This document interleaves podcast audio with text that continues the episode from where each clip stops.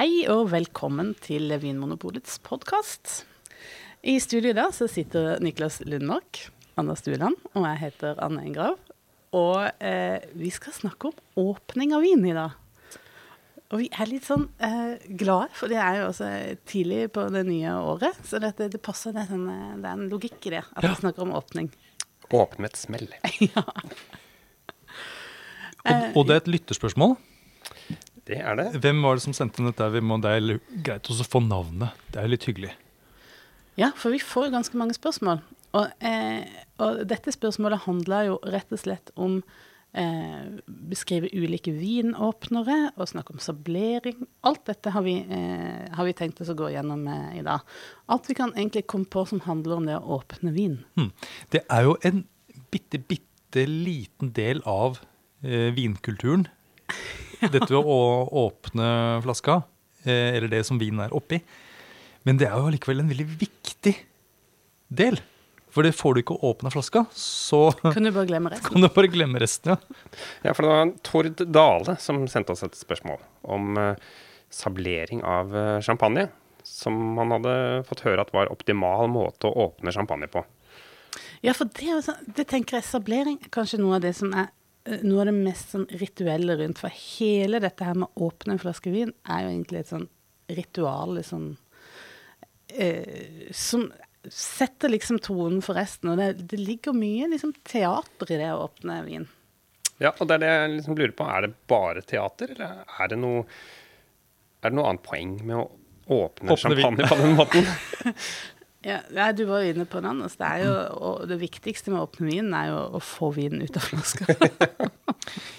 Ja, men altså, eh, de som har eh, laget champagneflaskene og korkene og grimen, den der eh, metalldingsen som er snurra rundt, de har jo utviklet disse bitene sånn at det skal være en enkel og sikker måte å åpne flaska. Du tar av grimen, eller løsner grimen, og så vrir du korken sånn sakte sikkert mens du holder flaska på en sånn 45 graders vinkel omtrent. Ja. Og så gjør du det sånn kontrollert, sånn at du sier bare sånn poff, eller sånn sukk Ja. nærmest. Ja. Og da er jo flaska åpen. Og det, det er jo eh, mye ingeniørkunst som ligger bak dette her, Ja. eh, for at det skal eh, være en trygg måte å åpne flaska på. Allikevel så er det noen som da velger å eh, bruke en sabel, en iPhone eh, Sagblad. sagblad, stetten på et vinglass. Eh, og sikkert mulig med en, en litt flat stein også, men som da velger å sablere flaska. ja. Og, Det, og hvorf, hvorfor det? Nei, det syns jeg er jeg er lett å svare på. Det ser jo litt uh, tøffere ut, liksom. Er jo litt harry, da. I, i grenseland, grenseland. Jeg ville ikke gjort det hvis ikke jeg kjente alle i rommet. Nei, men, men Ja, eh, hvorfor er det harry? Nei, jeg veit ikke, altså. Det er litt uh, altså, Spørsmålet er hvorfor. Hvorfor skal man gjøre det? Ja. Ja. Og det Er blir show? bare for show. Uh, og internett er jo full av sånne videoer hvor sablering går galt. Det er jo veldig gøy å se på, men eh, det er jo, og det er veldig synd, da. Jeg synes det er jo å ødelegge vin som noen har brukt masse tid på å lage på den måten, det syns jeg er litt synd. Ja. ja, for det er jo en risiko i det. Det er jo ikke Absolutt. alltid det går. Nei. Hvem var den første harrytassen, da? Hvem, eh, hvem er sableringens far? Det er et par legender rundt akkurat det, og begge handler om Napoleon. Uh, og det ene, Napoleon uttalte jo at eh, Men når det gjelder champagne, så ved seier så fortjener man det, og ved tap så trenger man det. Og eh, med bakgrunn av det, da, så når de kom seirende hjem, ridende hjem etter en eh, seier, så ble de kastet i champagneflasker eh, til dem, til disse soldatene. Og da åpnet de på hesteryggen, åpnet de da, eller sablerte de disse champagneflaskene. Det er breialt. Det er breialt. Og så er det en annen historie som går på at eh, eh, madame Veuve Clicquot, en- en eh, enke, hun arvet da denne champagnehuset i en alder av 27. Og hun hadde flere av eh, Napoleons generaler som gjester. Og de eh, sablerte da disse champagneflaskene for å imponere denne unge enken. Ja. Det er jo en form for halshugging. Du tar skalpen av, av champagneflaska. Ja, og så er det noe som tenker at du viser at du har ganske god kontroll over noen sånne fysiske lover, eller noe, kanskje noen ingeniører. Det er et eller annet sånn, det er noe innsiktsfullt i å åpne en flaske med minimal eh, kraftanstrengelse på en sånn litt sånn spektakulær måte, da. Og så viser det at du har sabel. Absolutt. Det tror jeg var litt viktig for Napoleon, f.eks. Ja. Men det, det er jo utrolig pinlig hvis du skal imponere en, eh, en uh, ung dame, og så funker det ikke. Ja. Det, det må jo være Men du har vist mot, i hvert fall. ja. Men er, altså, er det unge damer som lar seg imponere av sablering? Det er nok i hvert fall andre menn. Ja, det, Ja, det tror jeg også. ja, det tror jeg nemlig. Jeg tror det er andre menn er som blir imponert. sånn, imponert. eh, det er litt sånn exit over det. Har, har dere sablert noen gang? Vet du hva, aldri. Det er derfor jeg er litt sånn eh, nedlatende. For jeg har aldri gjort det. Så Jeg, jeg har ikke gjort det. Har du? Nei, jeg har heller ikke sablert. Og det er jo egentlig helt tragisk at er vi ikke har sablert noen gang. Um, men hvor, eh, det, eh, hvorfor funker det, da? Hva er liksom de fysiske lovene bak sableringen? Kort fortalt, champagneflaska har to sømmer som Den er på en måte satt sammen. Den er jo ikke støpt i ett stykke. Så i den skøyten til champagneflaska, der den møter leppa Ja. Jeg hørte beskrevet, det var litt forvirrende, men det er liksom tuten. Der sømmen møter den der runde tuten på toppen. Det er det svakeste punktet. Så hvis du fører en litt sånn hard eh, gjenstand opp med en sånn fast bevegelse, så skal bare hele toppen, selve den runde tuten, klikk, eh, kappes av. Den Så når du fører den harde sabelen mot leppa, så går det. Hjelpes. I en litt sånn Ok, så man, du må finne denne, denne sømmen eh, som går da eh, fra bunn mot toppen av flaska. Og den, og den fins da på alle museene-flasker. Ja. Prosecco, Cava, Cremane Borgogni og sånt. All, alle disse flaskene har en slik søm. Må du finne den, og så må du gjerne da ta av denne Det er jo gjerne en folie som dekker da mye av halsen på flaska, så den må man ta av. Ta vekk alt sånn at det er uh, fri bane. Ja, Uh, nakken skal være bar for hugg, på en måte. Og så skal man da føre da eh, denne harde gjenstanden med en liksom bestemt bevegelse da fra deg mot leppa, eller denne på en måte denne si, utbulingen helt øverst på, på flaska. Ja. Mot, ja. ja, det høres så spennende ut. Skal vi gjøre det? Ja, altså vi har jo nå Jeg har funnet fram en flaske med Cremane Bourgogne. Eh, vi har jo ingen sabel, dessverre, men jeg har funnet fram en, en ganske stor kniv. Og du skal være vår Napoleon. Ja, eh, og da kan jeg bare si at Den kniven den har jo da én skarp side, selvfølgelig. Men eh, det er jo ikke den siden som skal brukes når man sablerer. Man bruker gjerne den litt butte, litt, litt mer avrunda. Eh, som baksiden av kniven skal da liksom føres opp langs eh, Mm -hmm. uh, Men du har, jeg ser at du har kjølt den ned, for det er visstnok uh, viktig. Mm. Hvis den er varm eller romtemperert, så er det jo lettere for at flaska eksploderer. Visstnok, og det vil vi ikke. Det Og vil vi ikke. jeg er jo verneombud eh, her på kontoret, eh, så jeg har funnet fram hansker og vernebriller. Jeg føler vi er i de aller tryggeste omgivelsene når vi først skal gjøre dette her. Mm. Det hadde vært fristende å liksom spare dette her til slutt av episoden, men skal vi bare Ja, vi gjøre gjøre det med en gang? Jeg kjenner jeg er litt nervøs. På med hanskene. Ja. En garde, Napoleon. Ja, da er det altså Nei, Vi skulle, vi skulle hatt en hest som satt på hesteryggen, men det, Du kledde de brillene der, da. Å, herregud. Vi, vi øver altså med en, eh, en cremande Bourgogne, for den er ikke fullt så dyr. Så Nei, det er ikke noe vits. Skal, du- skal, vi skal man gjøre dette, så kan det være greit å kanskje øve en gang eller to. Så ja. bruk en litt rimelig eh, cava eller prosecco eller ja. Men jeg har jo sett noen når de gjør det, dette her på- på video, så gnukker de liksom kniven eller sabelen liksom litt sånn fram og tilbake før de liksom tar sats. Det tror jeg bare er nerver. Det er ok, ja.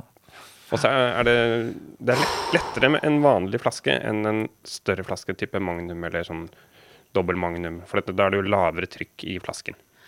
Det handler om trykket inni. Ja. Det er derfor denne typen tuppen kan tippe av. Så nå har du tatt av alle folien, og eh, tatt på briller. Eh, Hanskene er ikke helt på ennå, men de antar jeg kommer på. Ah, ja, hanskene. Jeg kjenner, du, jeg, kjenner jeg, jeg skjelver litt Nei, men Det er jo så mange som har gjort dette her før meg, eh, inkludert Napoleon. Um, og ja. Nei, dette her må bare, må bare prøves. Det må prøves. Og hvis det skulle gå galt Altså, det verste som kan skje, er at du blir blind. OK, jeg tar, jeg tar nå av grimen. Ja. Um, Og det er lurt å vente med til du er helt klar til Ja, å åpne flaska. Uansett hvordan du åpner flaska. ja. den nå, se, nå ser jeg sømmen her. Den er eh, ganske tydelig. Og så må jeg lirke grimen av uten ta av korken. For hvis korken nå spretter av, så er jo hele poenget borte. Det er, liksom, det er jo snytt for denne opplevelsen. OK. Um, jeg holder nå flaska da med tuten fra meg. Uh, har, eh, ser sømmen, holder et fast grep rundt kniven. Skal jeg gnukke den litt? Du kan velge. Gnukker, Du kan finne din jeg stil. gnukker litt, og så er det én, to og Nei. Én, to og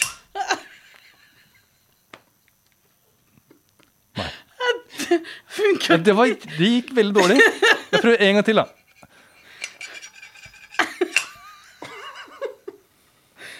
Jeg tror ikke det var sånn Napoleon gjorde. Nei, det går ikke. Hold lenger ned. og Hold i bånn av flaska med den andre hånda. Der. Ja. Det ser så lett ut. Det to og Det skal ikke være så hardt heller. Du må treffe det punktet. Har du funnet sømmen? Ja. Prøv den andre sømmen. Den andre sømmen. Nei, det, ja, der. Ja, ok, jeg prøver den andre sømmen. Oh, nei, nå kjenner jeg at nå, nå er jeg, jeg er i ferd med å eh, I'm, I'm losing it. OK. Eh, jeg gnukker. Og Nei! Nei. Men nå gikk det av noe. Ja, du slo av glasset. jeg slo av glasset. Ja, av Nei, vet du hva? Jeg, jeg går og henter en annen flaske. Er du sikker? Ja, Vi har en flaske med Prosecco også. OK.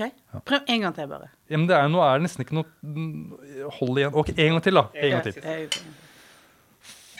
Nei. OK, da. Ok, Det som har skjedd, er at eh, Anders eh, dessverre mislykkes i sitt forsøk. og, og vi måtte hente inn en ekspert, og heldigvis var Merete Bø her på huset. Ja, det var jo flaks. Velkommen, Merete Bø. Takk, takk. Du er kjempegod til å sablere. Ja, jeg vet ikke helt av det, men uh, Her setter jeg på film. Ja. Merete er vinjournalist i Dagens Næringsliv, og, du har jo, og så har du jo jobbet lenge i restaurantbransjen, så du har Ja. vel gjort dette noen ganger? Jeg har gjort dette her ganske mange ganger. Så det er jo noen triks uh, å ha i bakhodet når en skal sablere, sånn at det skal gå sånn som det skal gå. Men uh, det er jo ikke alltid at jeg lykkes heller. Uh, jeg har jo hatt gjort noen feil uh, gjennom karrieren. Så, men skal vi prøve å sablere den her, da? La oss gjøre det. Ja. Du tar av grima. Ja. Og så får en håpe at den her er flaska som holder på korken, da, for det, det er jo litt avhengig Ja, noen ganger så popper bare korken ut. Ja, det skjer jo av og til. Og så er det å finne saumen. Ja. Saum, det hørtes finere ut. Ja, det er veldig mye finere med nynorsk. og så er det bare å gå litt sånn eh, bevisst, eh, ikke for hardt, opp langs saumen, og så slå i kanten her oppe. Okay. Ganske bra at du har sånn beskyttelsesbriller på deg. Han er HMS-ansvarlig. det gikk! Så lett som her. bare det. Eh, at det ikke skal Det skal helst ikke komme noe særlig vin ut. Fordi at eh, hvis det kommer veldig mye vin ut, så altså Ja. Det er jo litt dumt at vinen havner på gulvet og ikke i glasset, ikke sant. Uh, så dette er en ganske god sablering, vil jeg påstå.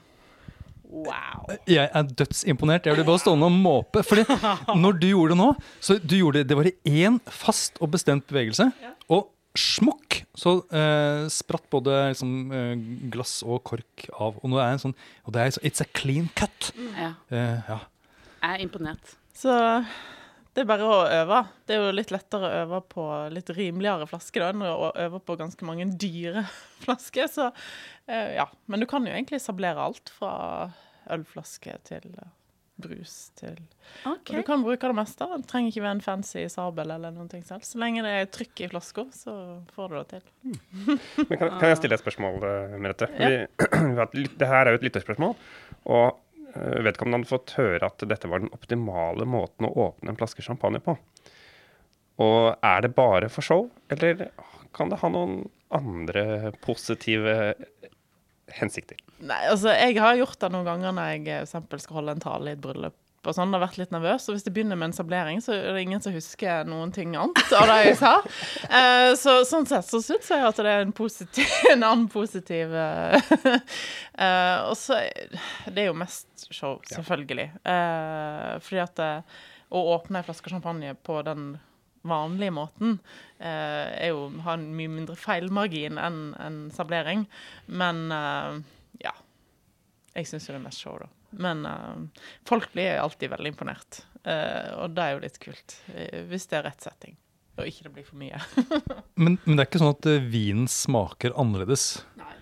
Det, det, det tror jeg ikke. Absolutt ikke. Eh, men hvis du tenker tilbake inn i tid, da, når eh, de begynte å sablere, eller liksom grunnen til at de sablerte, var jo fordi at du har en sabel i beltet. Eh, det var ikke en streng rundt eh, altså musletten. Det var eh, en et tau som var litt sånn Fiklete. Fiklete og borle, som vi sier på oss, eh, å få opp. Eh, og da er det jo mye lettere å sablere, selvfølgelig. Eh, nå har vi ikke vi så ofte sabel i beltet lenger, og det er mye lettere å åpne ei flaske sånn. Så nå er det jo mest for show. Ja. Ja, for jeg har sett en video der du sier 'det sikreste er sabel'. Det syns jeg er et sitat som jeg, jeg skal huske på. ja, altså, jeg har jo gått rundt med en sabel noen ganger og tenkt at det kanskje folk ser litt rart på meg nå. Men en champagnesabel er jo budt i alle bauger og kanter, så den er jo ikke, kan ikke gjøre så mye skade med. da. Men um, en brødkniv funker utmerket òg. Men Merete, hvor mange champagnesabler har du hjemme? Eh, tre. Ønsker du deg en til, eller? Nei, jeg trenger ikke flere. det, det har vært litt sånn Det har ikke vært noe jeg har brukt veldig mye penger på sjøl, men det har vært når jeg har vunnet konkurranser, sånn, så har jeg fått det. Uh, så jeg har til og med en som står Merete Bø på, eh, inngravert. Uh, så det er den som er min favoritt, og den er veldig god å bruke. Så det er den jeg pleier å ha med meg når jeg skal sablere. da. Men jeg har brukt alt mulig annet, og stett på et glass er jo alltid veldig imponerende. Men da skal du ikke være så glad i glasset. og ja, det er litt pinlig når det går galt. Uh, når du knuser glasset. Altså, det er liksom. Men det er veldig kult når det går den rette veien. Så ja. Tusen takk, Merete. Og Det var ikke meninga å forstyrre deg i det du egentlig holdt på med, men eh, takk for at du kom og opplyste oss. ja ingen årsak. Ja, da har roen senka seg igjen. Og Anders, eh, hvordan føler du det nå? Nei, jeg, er jo, jeg er jo- kjenner at jeg er litt skuffet. Eh, jeg hadde håpet at det skulle gå bedre, rett og slett. Eh, men kanskje det var nervene som tok meg. At jeg var litt fornølende. Du var litt feig, tror jeg, Ja, i forhold til selve Gni det inn. sabelen. Men, Gni det inn. men Merete var liksom sånn hun var så direkte. Ja, hun var bestemt og direkte, og jeg nølte litt. Jeg gnukket og jeg nølte, eh, og da Det, det funket ikke. Ja, men du var ikke feig, for du gjorde faktisk din første sablering på direkten. Det syns jeg det står Ja, respekt det vil si, det ble jo ikke en sablering. Nei, ditt første forsøk. Ja. Nei, eh, men eh, jeg, jeg kjenner at jeg har lyst til å prøve igjen. Ja. Det har jeg. Det skal vi gjøre. Men Men- dette er jo bare én av flere måter å åpne en flaske på. Eh, Vi har jo lovet å komme inn på litt andre måter å få ut eh, korken, eller hva det skal være. Ja. Og akkurat med museene er det jo greit, for der kan, trenger man jo egentlig ikke noe redskap. Man kan jo bare da, som vi var inne på, skru av omtrent, bare vri om flasker flaska, så den korken vil jo ut på egen hånd. Men på vanlig vin så er det jo, må man jo liksom til med litt sånn forskjellige redskaper og sånn, for å få ut vinkorken. Ja, du må ikke ha redskaper, Nei, har jeg skjønt. nettopp. Jeg har, jeg har hørt at det går an også bare å dunke bunnen av flaska mot en vegg. Ja, så greit å ha den inn i en sko må- eller et eller annet som er litt mykt. Ja. Må ha den inni en sko, ja. Og da er det sånn at denne, dette trykket forplanter seg, sånn at du etter hvert klarer å få pressa korken ut. Skal vi prøve det? Nei, nei jeg er litt, kjenner at jeg er litt ferdig Ja. med å prøve ting. Og jeg har liksom Ja. mistet litt troen, i hvert fall for i dag.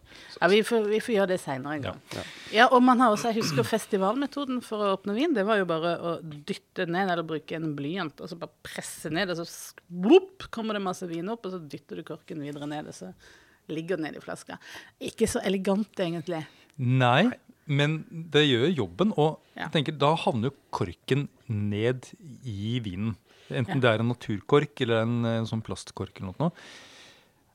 Er det, eh, for jeg har hørt folk snakke om at hvis du får korkbiter, og da denne gangen er det snakk om da en, en hel kork, smaker det vondt av vinen da? Får vinen korksmak? Nei. Nei. Kan vi ikke bare si det med? Jo, Det er noe helt annet. For det er jo en Et enkelt svar, rett og slett. Så, det, hvis, så hvis det havner litt korkbiter ned i vinen, så er, gjør ikke det noen ting. Ja. Men hvordan får man disse korkbitene opp? Altså, jeg har noen ganger i mitt eget glass bare rett og slett pirka det opp med fingeren.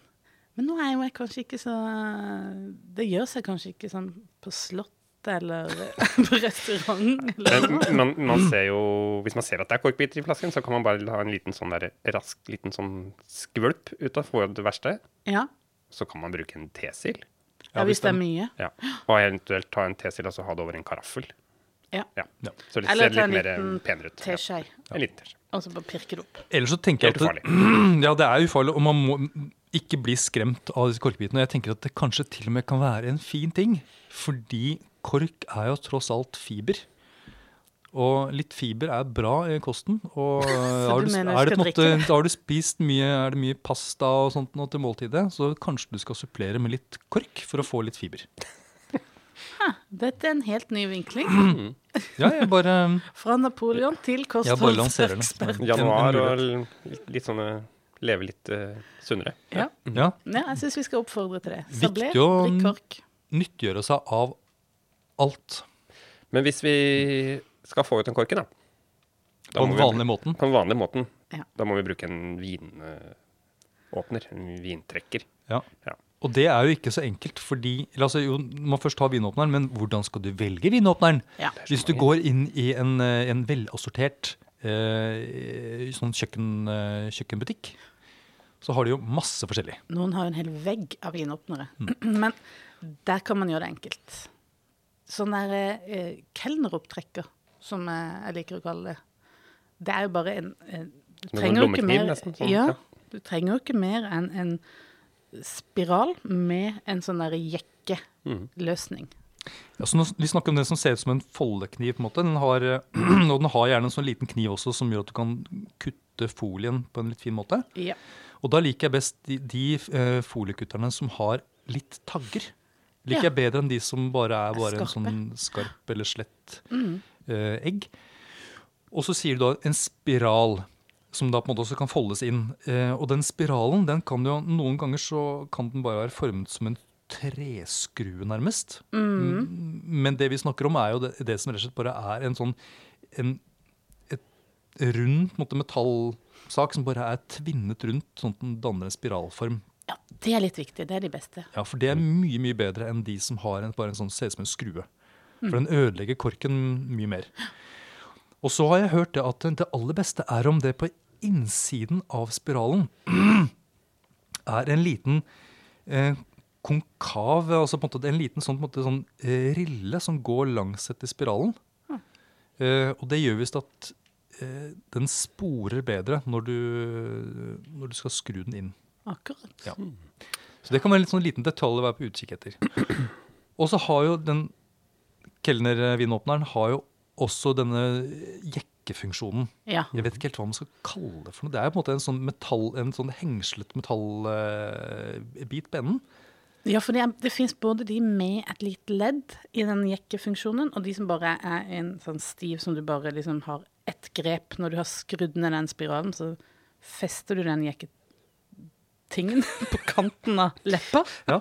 Og så drar du opp eh, korken i én bevegelse. Men det er de som har en sånn en liten, eh, et lite ledd, Ja. sånn at du tar liksom den i to jekk. Ja, Du sier dra den opp. for jeg tenker Det geniale med den jekken er jo at du, Ja. du på en måte du, øh, du bare du nærmest presser ned mot øh, kanten av flaska. Sånn at du på en måte du, Ja. Jekker den opp. du jekker den opp, ja. ja. ja. Jeg er veldig glad i den som er todelt. For da på en måte tar du først eh, første etappe med den laveste punktet, og så tar du på en måte den lange jekken, og så tar du siste. Enig. Jeg liker da òg, når, når korken nærmer seg og kommer helt opp, så liker jeg å ta et litt sånn vennlig, men fast grep rundt korken. Og så liksom jeg litt, grann, sånn at liksom den siste eh, biten av korken kommer ut på en sånn litt sånn mm, fin måte. Ja. Ja. Kontrollert Ja. igjen, da. Og grunnen til at jeg gjør det, er vel kanskje for at det, hvis, det er kanskje litt større sjanse for at det kommer korkbiter og sånt nedi eh, hvis man bare jekker sånn raskt opp. Ja. Mm. Det er min erfaring. Kjenner du til historien til disse korktrekkerne? Nei? Nei, for den Er det Napoleon igjen? Nei, det er ikke Napoleon. Men eh, nei, for den første Altså den vi snakket om nå, det var en tysker. Eh, Carl Winke som fant opp, som han kalte for eh, The Butler's Friend. Og den, han lagde altså da en som ligner på denne kelner Ja, den er veldig lik den vi bruker i dag. Men uh, den første referansen til uh, sånne korktrekker uh, er fra 1662. Eh, tror jeg. Nei, slutten av 1600-tallet i hvert fall. Og mens det første patentet kom i mm, 1795. Det var en engelskmann. Og man tror at disse her korktrekkerne egentlig stammer fra lignende typer redskaper som man brukte for å ta ut uh, kuler som satt fast inn i våpenet. Jøss! Ha. Det er Det så mye, ja. det er så mye til, eh, krig i Ja, veldig Ja, mye krig. Det er vinåpner. sabler, og det er kuler. Ja. Uh, men ja, så dette her er på en måte standardverktøyet for å få opp korken. Men jeg vet jo at det fins jo veldig veldig mange andre typer. Eh, jeg, jeg vender jo alltid tilbake igjen til uh, min mor når jeg på en måte skal komme med sånne eksempler. Og hun had, hadde en periode, en sånn som Og mange hadde den. Ja. En sånn som ser ut som eh, Det ser ut som en dame med litt lange armer. Ja. Skjønner du hva jeg mener? Ja, ja, ja. Ja. Eh, hvor du, måtte, du trer nedpå et sånt rør, nærmest. Eh, og så eh, skrur du nede i korken, og så etter hvert så folder disse armene seg opp, opp, opp, opp, opp. Og så tar du tak i armene, og så skyver ned. Yes. Og da kommer korken opp. Den syns jeg er uh, brutal og vanskelig å kontrollere. Hva er dere, deres erfaring der? Ja, den er litt klønete. til 80-tallsopptrekker. Kan jeg si det? Ja. Oppfunnet, ha- oppfunnet i 1888, faktisk. Ah, OK. Så 80-tallet er helt riktig. Ja. Ja. Ah, ja. såpass gammel, ja. Jeg trodde det var liksom Alessi og disse. Ja, ja, ja. Nei. Men det, det føler jeg at du må, må, man må uh, snurre så mye at eh, selve den eh, eh, Selve Snurren? snurren går gjennom korken Ja. for at du skal klare å få den helt opp. Ja. Så da er det også sjanse for at du får korkbiter i vinen. Ja, og så er det liksom så langt ifra korken. Det er så mye, det er så mye verktøy mellom korken og Nei, jeg liker den ikke. Nei, det blir, det blir vanskelig å kontrollere. Finnes det andre trekkere? Jeg, jeg tenker på en uh, Ute i butikk så har jeg av og til fått uh, reklamasjoner på flasker som de, de kunne si at de får ikke opp korken i det hele tatt. Den sitter fast. Eller at de har kjøpt såpass eh, gamle viner at det, er vanskelig å skru opp korken med en vanlig trekker. Mm. Og da eh, kan man i vinmonopolbutikker kjøpe en sånn vinopptrekker som egentlig bare er ser ut som en sånn gaffel. Eller det er to sånne tynne Ja. Med litt brei pinsett. Litt liksom. brei pinsett, ja. Som man stikker ned i flasken. Og så kan man lirke og vri og styre årene for å prøve å få opp den. Korken. Ja, for det er poenget også. fordi da er, På gammel vin så er korken så eh, porøs Mm. at hvis du putter en sånn skrue nedi eller en spiral nedi, så er det ikke noe hold. Så du bare, alt bare smuldrer opp. Så poenget her er at disse to metallfjærene, nærmest, eh, de skal da på en måte lirkes ned mellom glasset og selve korken. Så man må liksom eh, vrikke den nedover, sånn eh, steg for steg. Og eh, jeg har gjort det noen ganger, og veldig ofte så funker det veldig veldig fint. Det er en veldig smart løsning, men Mm. det er så fortvilende å måtte lirke, lirke, lirke, og så ser du at korken begynner sånn sakte, men sikkert å forsvinne nedover Ja. i tuten. Og tenker jeg nei! Og da vet jeg at det, det er, kommer et sånt punkt Ja. hvor korken, når den har kommet et godt stykke nedi, så er det på en måte ugjenkallelig. Da, da er det på en måte ett lirke lirk til, og så bare plopp, Og da ringer du Merete Bø. og da forsvinner den ned. Ja, men det fins en måte til å få gamle flasker, som er kanskje man kjenner fra mm, typ, spesielt gamle portvinsflasker. Mm. Hvor man bruker sånn temperaturforskjeller. Uh, det kalles gjerne en portvinstang. Så man varmer opp en tang som blir veldig, veldig varm. Og så klemmer man den rundt uh, flaskehalsen. Og så kan du da bruke Man kan bruke en liten pensel eller en kost eller en fjær. Man dypper i isvann, og så bare fører man den rundt der hvor du har hatt den eh, varme tanga. og så sier det bare klikk, og så har du flaska knekt. Akkurat i det sporet. Nice. Det høres Nice. nesten litt koselig ut. Fyre opp i peisen, en gammel portvinsflaske, og så legger du da portvinstanga inn i, i peisen, sånn at den blir sånn rødglødende. Og så klemmer du den forsiktig rundt. Og så finner du da fram en sånn Fjær. ga, gammel fjær som du dypper i vann. Ja, det er poesi. Poesi. Vinpoesi. Ja, ellers så har jeg også sett på, på YouTube da, eh, video hvor det er en som bruker en sånn eh, skibrenner eh, og, så, og, og har en flaske med hvitvin, vanlig naturkork oppi eh, vinen, og så varmer han opp da dette eh, luftrommet mellom vin og kork med denne skibrenneren, og så sier det, og så fyker den korken i, i været. Så da er det at lufta da, den utvider seg jo eh, når det blir høyere temperatur. Ja. Og så skyver den korken ut. Så Det er også en, en måte å bruke da varme på å få korken ut. Ja, det er fiffig metode. Ja. Men jeg tenker da får du jo så varm varmer jo opp vinen òg. Ja, det er sant. Er du desperat, så ja. har du ikke trekker. Og så finnes det jo spesialverktøy som er da som en sprøyte. Som du stikker ned gjennom korken, sånn at du kommer helt ned eh, altså gjennom korken. Og så sprøyter du inn da eh, luft, sånn at du presser korken opp på den måten. Eller- Eller også samme teknologi, men at man ikke presser korken ut. Men eh, som gjør at man kan eh, helle ut av den eh, nåla som du Du kan ta litt grann av vinen Mens uten å åpne flasken. Ja, og så erstatter du det hulrommet da med, Med nitrogen. gass. Mm. Mm. Ja, det, det er fascinerende. Um, nå snakker vi om eh, naturkork, Mm. og, og det er jo det vi er kanskje fremdeles mest vant til. Og, og forresten, også når vi da tar ut denne naturkorken, så er det jo eh, I hvert fall har jeg vært vant til at man da lukter på den når den kommer ut. At det er liksom en del av det ritualet. Du har åpna på en eller annen eksentrisk måte, og så er eh, korken ute av flaska, og så, da er det ofte vanlig å lukte på korken for å avsløre vinfeil. Jeg har vært ganske bestandt på det at jeg vil heller lukte på vinen enn på korken for å finne vinfeiler. Da. Hva syns dere om det? Jeg lukter aldri på korken, men jeg, Niklas, du lukter på korken. Jeg gjør det, det er en sånn vane. så Jeg har alltid gjort det. Og så er det litt sånn Det er ikke noe du kan ikke, Hvis korken lukter øh, dårlig, så er ikke det, betyr ikke det at vinen er dårlig. Men da tar jeg kanskje og sjekker vinen før jeg skjenker den til gjestene mine. Ja. Ja. Ja, Så det er mer en del av den bevegelsen. Jeg skjønner det litt, fordi at jeg har en sånn eh, måte Når jeg åpner vin hjemme, så kutter jeg alltid av folien. Og da er det alltid, eh, har jeg for vane å kutte nederst, liksom under denne siste leppa. på en måte. Sånn jeg får av ganske stort eh, bit av, av folien. Og den bretter jeg inn til en liten båt. Og når jeg har tatt av korken, så legger jeg den korken oppi den lille båten.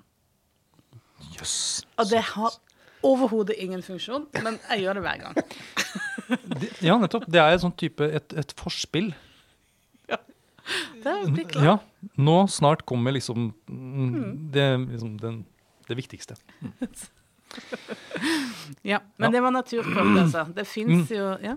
Men lukter du på skrukork, Nei, Niklas? det er jo ikke det. Nei, Nei. det må være naturkork. Ja. Ja, ja fordi det er jo eh, flere og flere viner kommer jo nå på flaske med skrukork.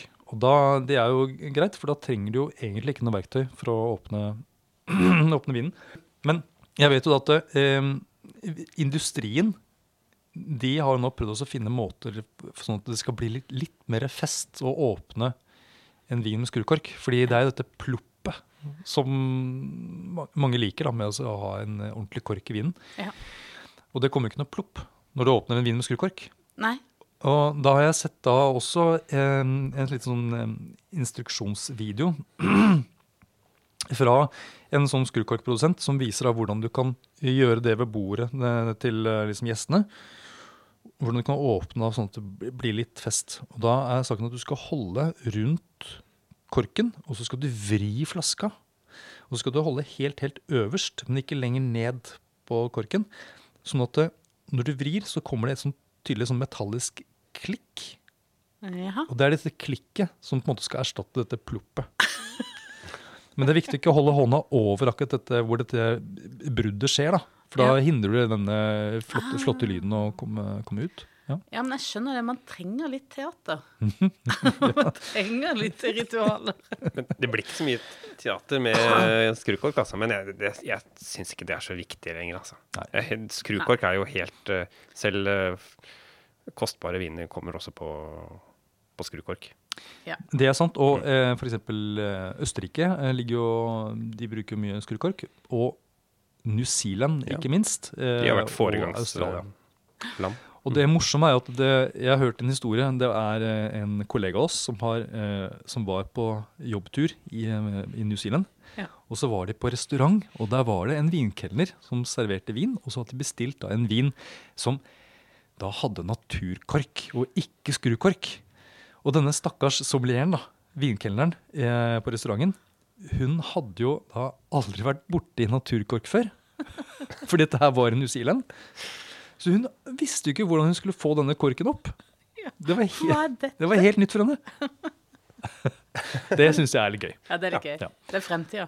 Men, men det fins også sånne eh, slags glasskorker. Mm, En slags liten sånn propp. Uh, så den også kan du Hvis du åpner den riktig, så får du et lite sånn klikk, eller litt sånn plukk. Ja, sånn. Ja. ja. Og så jeg tenker at det, og er det viktig med denne lyden, så kan du jo også lage litt lyd selv. Eh, ja. Du kan synge en liten sang, eller du kan si plopp selv, eller Plopp. Ja. Det, går, det er jo egentlig veldig mye lettere. ja jeg tenker det er mye morsommere, egentlig. Men eh, eh, Og så har du det klukk, klukk, klukk når du heller i fra flaska. Mhm. Det, men hvis du velger en bag-in-box, så Ja. er det veldig mye mer teknisk, og da er det, er lite som uh, sier klukk og plopp og, og sånn, da. Ja, og den kan jo være litt sånn tuklete, den derre eh, å få tak i den der tappekrana f.eks. Ja. Uh, og jeg husker når jeg jobba i butikk, så hendte det jo ganske ofte at det var um, en del kunder som ville at jeg skulle åpne, eller i hvert fall fiske fram den, den krana uh, mens de var i butikk. Sånn at den var liksom, de var sikre på at den kom ut riktig sted. Jo, men det er sant. Det er Ja. spesielt det er ganske mange eldre damer og sånn, for du må noen ganger være sånn sterk i klypa for å få den eh, For liksom brette ned pappen og dra ut den der eh, tappemekanismen, da. ja. Eh, Men hvordan gjør dere det når dere skal åpne bang-in-boksen? da? Ja, hvordan kan, kan man gjøre det på så mange måter? Da? Det, man slår inn den lille pappringen. Nettopp. Det er det du gjør. Du slår den inn. Ja, man burde egentlig ta den ut. Men eh, jeg slår den inn, og så bretter jeg ut og prøver å fiske fram den derre Dingsen. dingsen. Ja, for veldig ofte så har den på en måte snodd seg litt inn på siden. Dette her er jo, jeg tenker at det er mulig at det er eh, lettere for menn å håndtere akkurat den tappekrana. Ja, det er mulig det. Ja. Det er jo ofte en manneoppgave å åpne bilen. Mm. Jeg også bruker da eh, Jeg liksom lager en sånn eh, kn, Bruker knoken, rett og slett. Ja, en vel. knoke på hånda, og så eh, slår bestemt inn denne eh, pappbiten. Og så eh, eh, jeg, får jeg liksom et par fingre inn, og så lirker jeg ut tappekrana. Fikk noen reklamasjoner i butikker, for de klarte ikke å finne den tappekrana. Men eh, det hadde jo gjort en feil da, fra produsentens side, så hadde jo, den lå jo opp ned. Posen, Posen lå jo opp ned. Ja, det- Da blir det litt vanskelig. Ja, da er det vanskelig å, å få den fram, ja. Men, men eh, når vi først begynte med bag-in-box, så eh, Du nevnte historien, Ja. Anders. Ja, fordi eh, den første bag, altså bag-in-box ble lansert i Norge i 1988. Uh, og da var det jo helt nytt for uh, de fleste, inkludert da administrerende direktør den gangen. Som da var Det var en så stor greie, dette her, at han ble invitert uh, på NRK TV i studio for å på en måte vise fram og snakke om denne nyvinningen, da. Bang-in-boksen. Eh, men eh, han visste jo ikke hvordan han skulle åpne den opp. Og til det så måtte han da måtte rådføre seg med noen som jobbet i butikk, sånn at han fikk et lite sånn bag-in-box-kurs da, før han gikk i studio. så det en gang skal være den, være den første. Ja. Litt sånn som med sablering. Ja, ja. Nei, men eh, jeg tror at hvis man bare ikke gjør det for komplisert, så er det jo egentlig Det er jo bare å få ut den korken, eller få ut den vinen, som er poenget. Ja. Ja. det burde jo gå ganske greit. Vil du ha litt lyd, lag det selv. Og vil du ha litt show, gjør det litt komplisert. Ja, ja. Det, og det er lov. Det er lov å gjøre det komplisert. Mm. Det er gøy, det òg. Så er det noen viner, sånn Pet Natt og sånn, som har sånn uh, crown cap, sånn bruskork, ølkork. Ja, det er sant. sånn, ja. Og de er jo De har vi jo hatt trening i å åpne. ja, ja, den er bare å jekke opp. Ja, det er greit. Og så må vi også huske på å sette korken på plass igjen til slutt. Hvis man ikke bruker opp hele flaska, Ja. så er det greit å sette korken tilbake. ja. Og hvis man ikke drukker opp champagne nå, så fins det sånne egne sånne Champagne. champagnestopper. Ja, ja, for det er ikke like lett å få den flasken. Nei, altså er det jo fortsatt bobler og trykk inni der, så hvis du putter en vanlig kork, så kan den jo Ja, ploppe opp. Nettopp. Ja, jeg tror vi har vært eh, gjennom eh, Jeg tror vi har full åpning. Ja, sånn. vi, nå er året åpnet, og Ja. vi kan nå sette korken på plass igjen på denne episoden. Rett og slett.